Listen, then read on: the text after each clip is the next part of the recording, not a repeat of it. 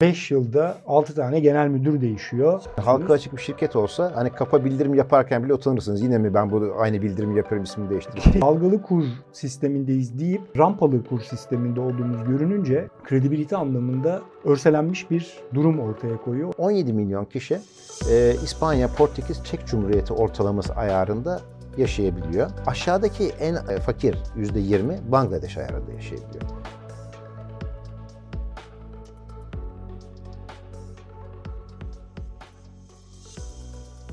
Evet, Şubat ayının ilk pusula programında yine Ömer Gencal'la beraberiz. Bir hafta sonu geçmiyor ki ekonomide bir şey olmasın.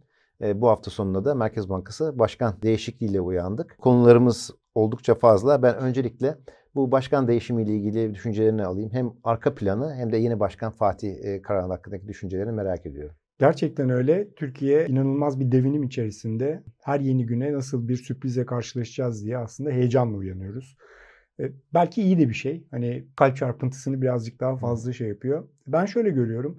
E, özellikle geçmiş dönemde yapılmış olan bazı hatalar bir kar topu gibi büyüyüp e, en sonunda artık gelmiş olduğu noktada o kar topunun büyüdüğü noktada kendisini taşıyamayacağı bir yerde patlamak zorunda kaldı. Hatalar silsilesi belki bizim duymadığımız başka bir noktadan başladı ama önemli noktalarından bir tanesi de e, verilmiş olan röportaj. Röportaj içerisinde yapılmış olan iletişim hataları.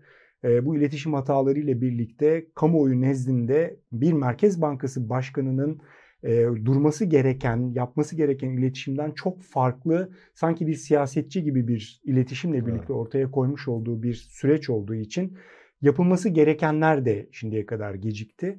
Fatih Karahan'ın gelmesi e, ve hafta sonundan itibaren bu konuyla ilgili yapılmış olan bir takım e, önlemlerin alınıyor olması da aslında geçmiş dönemde Gaye Hanım'ın yapmış olduğu veya Gaye Hanım'ın pozisyon itibariyle bulunduğu fakat e, Merkez Bankası içerisinde ekibin yapamamış olduğu bir takım e, aksiyonları daha rahat alınabileceğine dair bir takım sinyaller de verdi diye bakıyorum ben. E, bu sinyaller neler? Gerçi e, şey içerisinde program içerisinde de tartışırız ama e, işte ZK'nın indirilmesi, e, gerçi e, Gaye Hanım'ın döneminde bu oldu ama e, arka planda belli ki bir takım e, kararların ufak ufak alınmaya başladığı da görülüyormuş. E, zira hafta sonu alınmış olan kur korumalı mevduat tarafındaki oran değişiklikleri, aynı anda kur korumalı mevduatın e, bireylerden e, bireyler için 31 Ocak 2024 tarihine kadar elinde döviz bulunduranlar, kurumlar için 30 e, Haziran 2023'e kadar elinde döviz bulunduranlar için tekrar kur korumalı evet. mevduatın geliyor olması gibi bir takım kararlar önemli kararlar diye düşünüyorum. E, hem önemli hem de aynı zamanda aslında belirli riskleri de barındırıyor ama bu geçiş süreci içerisinde rezerv kaybı dolayısıyla Merkez Bankası'nın e, yapmış olduğu ikinci bir mola diye düşünüyorum ben. E, bunları 31 Mart'a kadar yine göreceğiz. Böyle bir çerçeve içerisinde Hafize Hanım, Hafize Gaye Erkan'ın görevden alınıyor olması ve liyakatli olan ve en azından merkez bankacılığı konusunda tecrübesi olan Fatih Bey'in atanıyor olması e, bana göre pozitif bir gelişme. Ama bir taraftan da şunu da görmek lazım. Yani bir şirket holding düşünün ki o holding içerisinde 5 yılda 6 tane genel müdür değişiyor.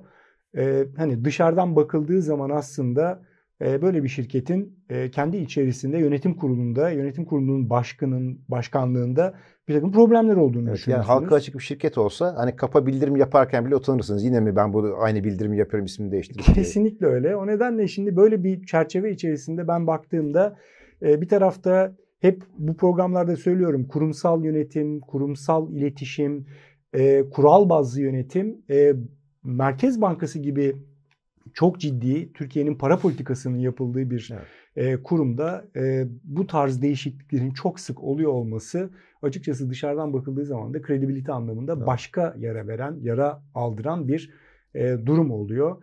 E, umuyorum bu ikisi birbirini dengeler ve e, Fatih Bey'in gelişiyle birlikte birazcık daha e, önümüzü net bir şekilde görmeye çalışırız. Zira para politikasının şu anda çok da fazla yeterli olmayacağına dair bir takım emareleri de görüyoruz Doğru. diye düşünüyorum. Sen ne düşünüyorsun Kerim? Ee, şöyle yani ben de e, Hafize Gaye Erkan dönemi 8 aylık bir dönemde e, iletişim politikaları açısından bir felaket olduğunu düşünüyorum. Yani şimdi daha net e, konuşabiliriz. E, çünkü mevcut bir başkanın performansı hakkında bir şey söylemek ayrı. Ama artık bu noktadan sonra özellikle e, ilk enflasyon e, raporu toplantısında mevduat faizlerinin düşmesinin bir para politikası başarısı olarak anlatılması.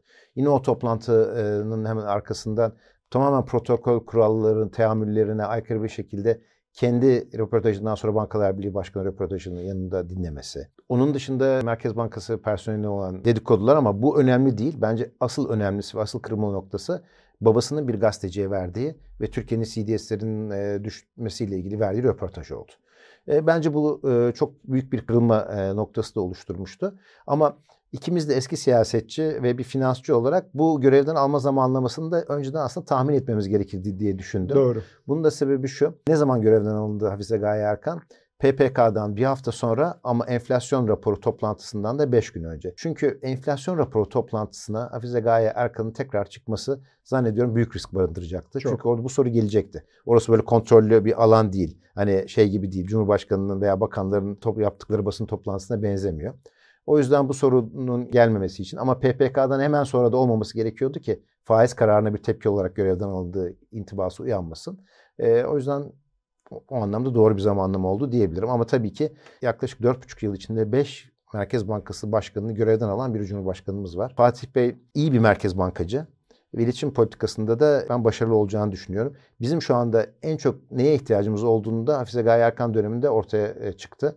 İyi bir merkez bankacıya ve iyi bir iletişim politikasına sahip çıkan bir merkez bankası başkanına ihtiyacımız var. Fatih Bey'in bunu, ben bunu başarabileceğini düşünüyorum. Ama tabii ki başka politikalardan da başta maliye politikası olmak üzere destek almak durumunda. Şimdi artık bu haftaya Ocak enflasyonunun sonuçlarıyla başladı Fatih Bey. Doğru. E, 6.7'lik bir enflasyon çıktı. Hem enflasyonu bir değerlendirmeni rica edeceğim hem de enflasyon görünümünü bundan sonrası için.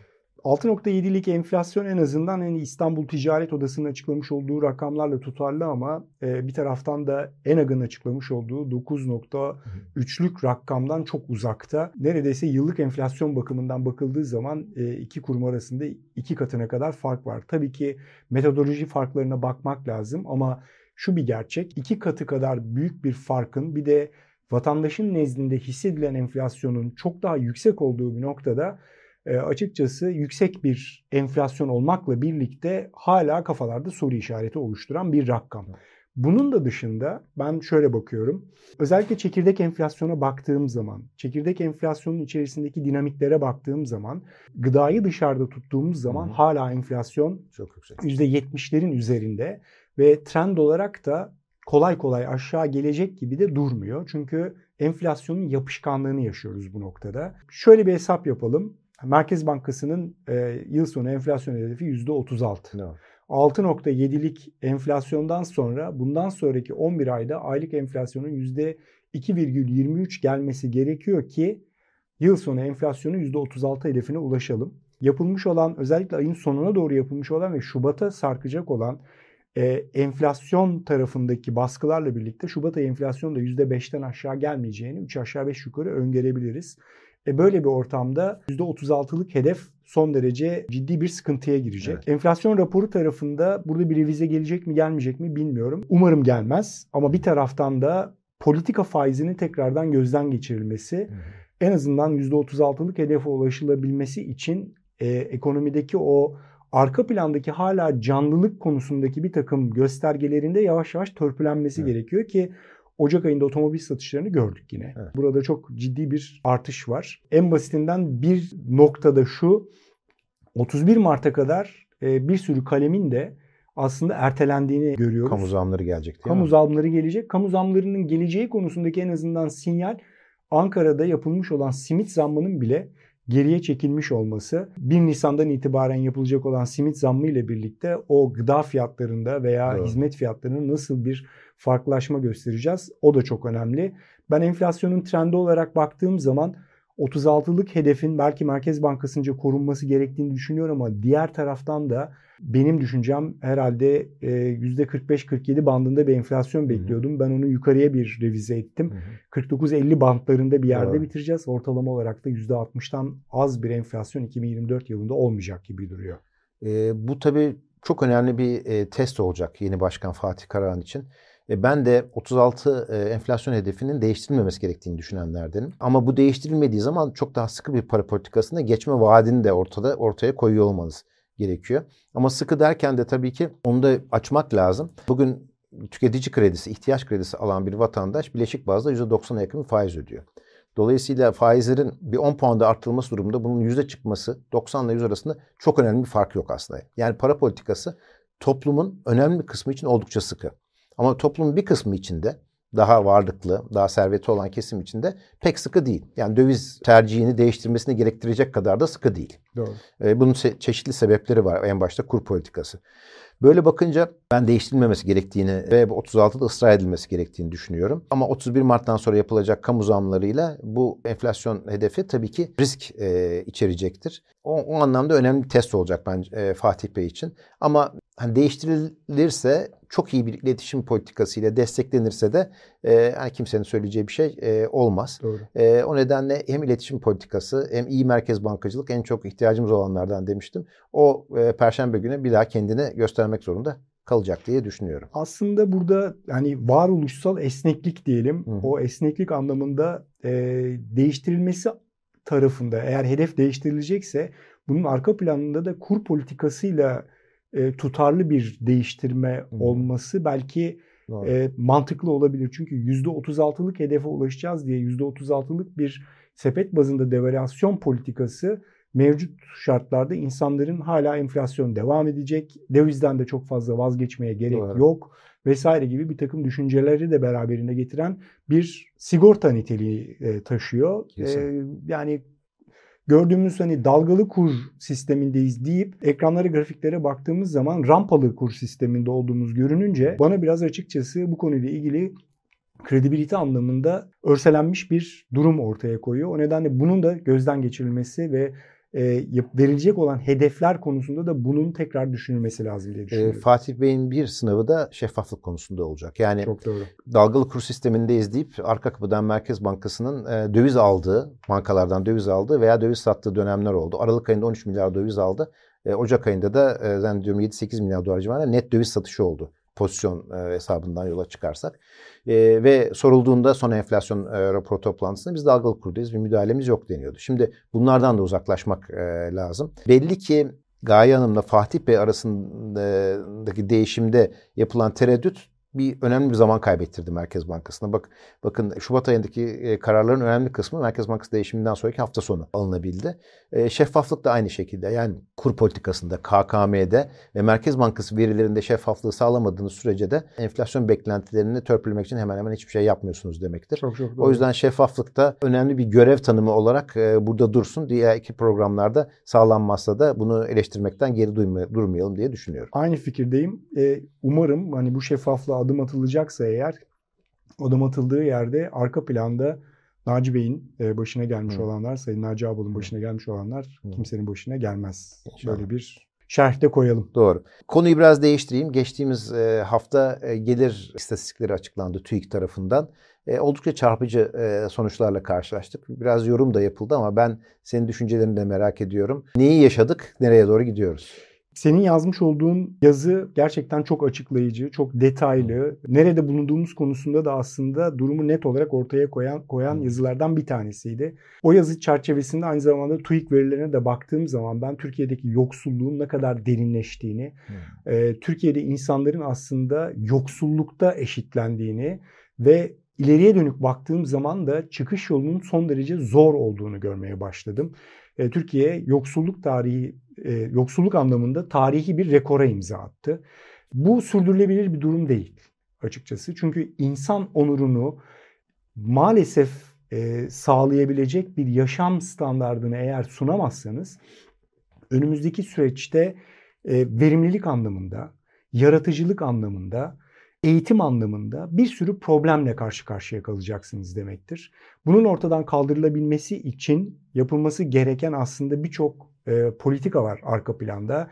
Eğitim politikalarından sağlık politikalarına, e, sosyal politikalardan sanayi politikalarına, teknoloji politikalarına kadar böyle bir ortamda ben şunu görüyorum. Rakamların detaylarına çok hakim değilim Kerim ama en azından kendimi kıyasladığım zaman, kendi eğitimde fırsat eşitliğimi kendi Doğru. dönemimle e, karşılaştırdığım zaman ben ileriye dönük ciddi bir pozitif beklenti içerisindeydim. 1990'lı yıllarda. Evet.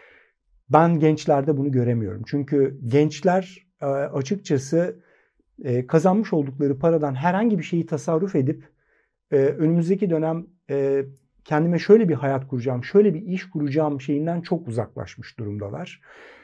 Düşünceleri şu, ya ben zaten bir şey yapamayacağım için günümü gün edeyim, bugünü de harcayayım. Evet. Bu Türkiye'nin aynı zamanda tasarruf problem, programını da problemini de beraberinde götürüyor. E, o yüzden Türkiye'nin bu gelir dağılımındaki eşitsizliği her geçen gün Türkiye'yi aslında çıkmaz bir sokağa da yürü, e, sürüklüyor maalesef. Sosyal anlamda bir patlama olur mu? Türkiye'nin kültürel durumu Anladım. dolayısıyla çok kolay değil. Ama e, sonuçta insan onuru e, ne olacağı konusunda da çok fazla şeyimiz yok. Sen yazdığın yazıyla birlikte bu konuda çok daha e, verilere de hakimsin. Sen ne düşünüyorsun bu konuda? Ee, ben evet ben evet, servet dağılımı konusunda e, gazete Oksijen'de bir yazı yazmıştım.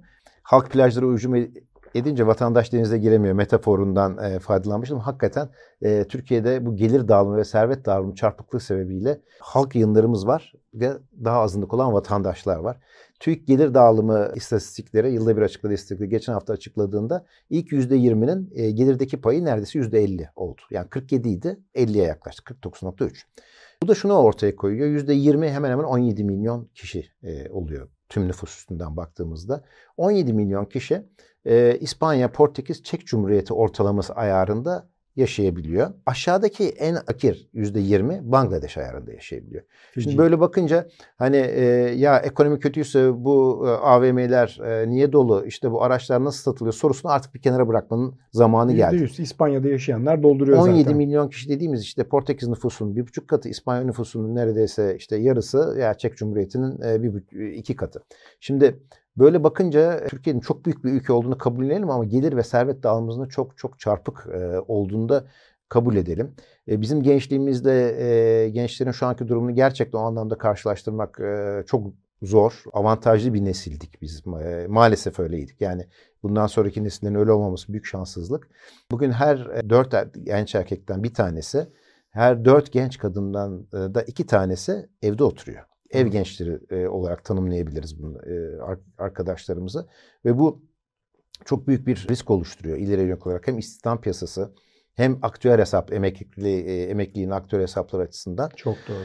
Şimdi bu gelir dağılımı ve servet dağılımını değiştirmenin yolları var. Yani Dünya Bankası'nın sitesini açtığınızda e, bunun yolları nedir diye baktığınızda mesela bunlardan en önemlilerinden bir tanesi kadın istihdamına çok önem vermek geliyor. Ama İkincisi mesela vergi politikaları. Biz onun için kıraathaneler yapacağız diye çıktık maalesef. maalesef. Kadın yani kıraathaneleri kadın, kadın kıraathaneleri de ortaya diye. çıktı maalesef. Şimdi vergi politikaları bunun önemli yollarından bir tanesi. Mesela şunu biliyor muydunuz? Türkiye ile İsveç'in gelir dağılımı hemen hemen aynı.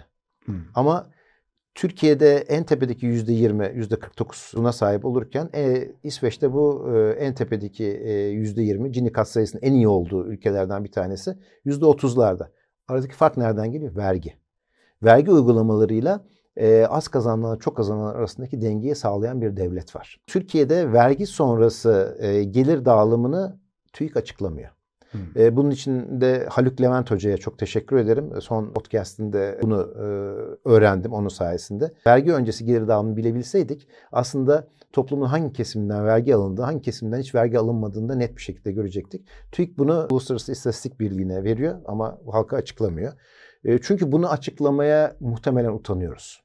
Muhtemelen. Vergi ee, toplayamıyoruz çünkü. O yüzden Türkiye'nin vergi, vergi sisteminin baştan aşağı değiştirecek bir reforma ihtiyacı var. Mehmet Şimşek sürekli reforma e, adresliyor ama şu konuda bir reformu artık e, görelim. Yani şunu merak ediyorum.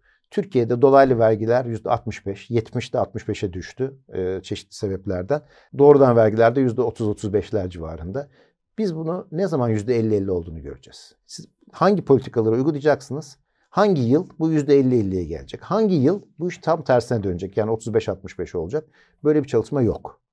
E, vergi istisnaları ve teşviklerinde her 4 lira verginin 1 lirasından vazgeçiliyor. Hangi yıl bu 1 lira 1 bölü 10'a düşecek?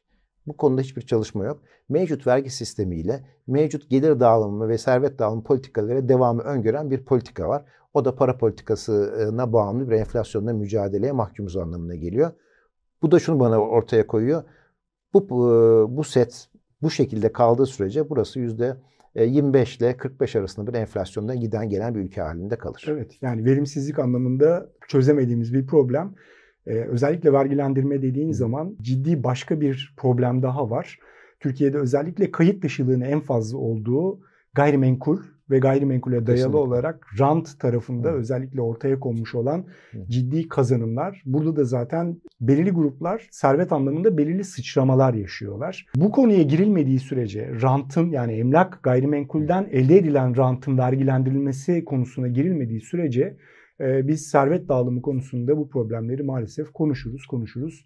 Bir çözüme de ulaştıramayız. O yüzden gerçekten yapılması gereken bir reform var ise o reformlardan bir tanesinde ben gayrimenkul sektöründe e, özellikle kayıt dışılığın ortadan kaldırılması, rantın ortadan kaldırılması olarak da bir kere daha üstünde durmak isterim. Zira e, özellikle sevgili Daron'un e, yapmış olduğu çalışmalarda toplam faktör verimliliğinin Türkiye'deki o gayrimenkul patlamasının öncesinde arttığını ama gayrimenkul sektörüne yapılmış olan kaynak aktarımının veya e, o dönemdeki ki bu dönem 2008 sonrasında başlıyor. 2008'den sonraki dönemde ve 2013'ten sonra ivmelenen dönemdeki o gayrimenkul e, rantlarının artışıyor artıyor olmasının Türkiye'deki verimsizlik problemini ve servet dağılımını da nasıl şimdiye evet. kadar bozduğunu e, gözler önüne seren başka bir, bir takım rakamlar var, bir takım e, istatistikler var. Ee, umuyorum e, önümüzdeki süreçte bu konuya da e, evet. iktidar eğilir ve Sayın Mehmet Şimşek bu konuyla ilgili bir takım adımlar da atmak üzere yola koyulur diye düşünüyorum. İnşallah. E, son olarak e, sevgili Ömer sen bir yazı yazdın 31 Ocak'tı tarihi hatırladığım kadarıyla değer mi hiç? Değer mi hiç? E, bir kısaca evet, değer, evet, bu şarkılarla e, yazı başlıkları da çok okunur hale getiriyor. Ee, ben de arada yapıyordum bunu. Ben de okudum. Ee, çok da hoşuma gitti yazı. Bir kısaca e, bize anlatır mısın? Ne demek istedin? Ne, ne ifade etmek istedin? Şunu söylemek istiyorum. Aslında riskleri yönetirken e, genelde biz bir veya sıfırları görüyoruz. Hı hı. Ee, özellikle kurumsal Binary değil mi İngilizce? Binary evet. evet. Ya ya bir ya sıfır. Yani evet. işte bana sorulan sorular şu. Bu sene işte para politikası böyle faizler yüksek. Yani faiz neye göre kime göre yüksek? Yani enflasyonla karşılaştırdığın zaman hala aşağıda. Hı. İşte döviz borçlanalım. Borçlanmış olduğumuz dövizle dönelim Türk lirası yaratalım. Buradan Hı. kendimizi fonlayalım. E peki e, kur, kur riskimizi hece etmeyelim. Veya kur riskini bırakalım. Çok pahalıya geliyor. Şimdi hesaplamayı şöyle yaptım. Dalgalı kur sisteminde diyoruz ama değiliz. Rampalı kur sistemine göre sonuçta sepet bazında %36'lık bir TL'nin e, devalüasyona uğrayacağını biliyor muyuz? Görüyor muyuz? Evet. Bunları 1, 3, 6, 9, 12 aylık dönemlerde kurun %36 devalü olmuş haliyle kaça geleceğini ortaya koyup arkasından da bugünkü e, faiz oranlarına göre özellikle forwardların bize göstermiş olduğu faiz oranlarına göre kaçla forward'la hedge edebileceğimizi, kur evet. riskini ortadan kaldırabileceğimizi bir hesaplamak üzere çok basit anlamda bir şey yaptım. Şunu görüyorum ben. Aylık bazda binde 5, yıllık Hı. bazda %6. %6 civarında. E, bunları opsiyon primleriyle karşılaştırdığım zaman onların bile altında kalıyor ki opsiyon primini de peşin olarak ödüyorsunuz Tabii. aslında. Yani maliyetiniz orada çok daha yukarıya çıkıyor. O nedenle e, hem global risklerin e, bir kenarda durduğu hem aynı zamanda lokal anlamda gün geçmiyor ki e, ortaya çıkmış olan riskler dolayısıyla bir takım e, oynaklığa, volatiliteye maruz kalacağımız risklerde açıkçası bu kadar düşük miktardaki primler, prim demeyeyim daha doğrusu farklılıklar dolayısıyla ben kurumsal çerçeve içerisinde bu risklerin e, elimine edilmesi gerektiğini, e, hedge edilmesi gerektiğini, kurumların mümkün olduğunca kur riskini yönetmesi gerektiğine inanıyorum. Evet. Çünkü parantez açalım. Türkiye'deki kamu sektörünün şu anda e, açık pozisyonu 290 milyar dolar. KKM dahil mi buna? KKM dahil Hayır. değil. Hı. KKM'yi de işin içerisine evet. koyduk mu o zaman 370 Hı. milyarlara evet, çıkıyoruz. Evet. Öbür tarafta hane halkının 124 milyar dolar civarında bir long pozisyonu var ama kurumların da keza 80-90 milyar dolar civarında hala bir açık pozisyonu var. E bu kadar açık pozisyonla e, Türk lirasının bu durumuyla, enflasyonun bu durumuyla açıkçası bence bu tarz riskleri bir şekilde yönetmek ve hedge etmek değer. Diğer tarafta bunları e, herhangi bir şekilde bırakmak, e, akışa bırakmak daha doğrusu diyelim değmez. E, o yüzden kurumların çok e, dikkatli, olması, dikkatli olması ve risklerini yönetmesi gerekiyor. Katılıyorum. Yani e, özellikle bu kadar dolarize e, olmuş e, hemen hemen bütün varlık fiyatlarının dolar eşleriyle konuşulduğu e, yerlerde bu riskleri e, çok can yakıcı e, olabiliyor zaman zaman. Direkt döviz borçlusu için bu olabiliyor. Zaman zaman elinde döviz varlığı tutanlar için de olabiliyor. Türkiye'de bu son zamanlarda az olsa da. Doğru. O yüzden Türk lirasını değer kazandırmanın veya enflasyonla mücadelenin önemli yollarından bir tanesi de Türk lirasını sadece alışveriş yapılan bir birim değil, tasarruf edilen birim ve kredi kullanılan birim haline getirmekten de geçiyor. O yüzden bu kur risklerinin ben bertaraf kelimesini daha çok seviyorum elimine, hedge yerine. E, tam Türkçesi de nedir bilmiyorum ama bertaraf etmek hani çok zor, e, fena de değil gibi e, düşünüyorum. Özellikle kurumsal e, firmalar açısından bu bertaraf edilmesine çok dikkatli olunması da e, gerekli. Buna yüzde yüz katılıyorum. Kesinlikle. Kesinlikle. Evet Ömer çok teşekkür ediyoruz. Bundan sonraki programımızı yine Şubat ayında yapacağız. Görüşmek üzere. Görüşmek üzere. Ben de çok teşekkür tamam. ediyorum Kerim.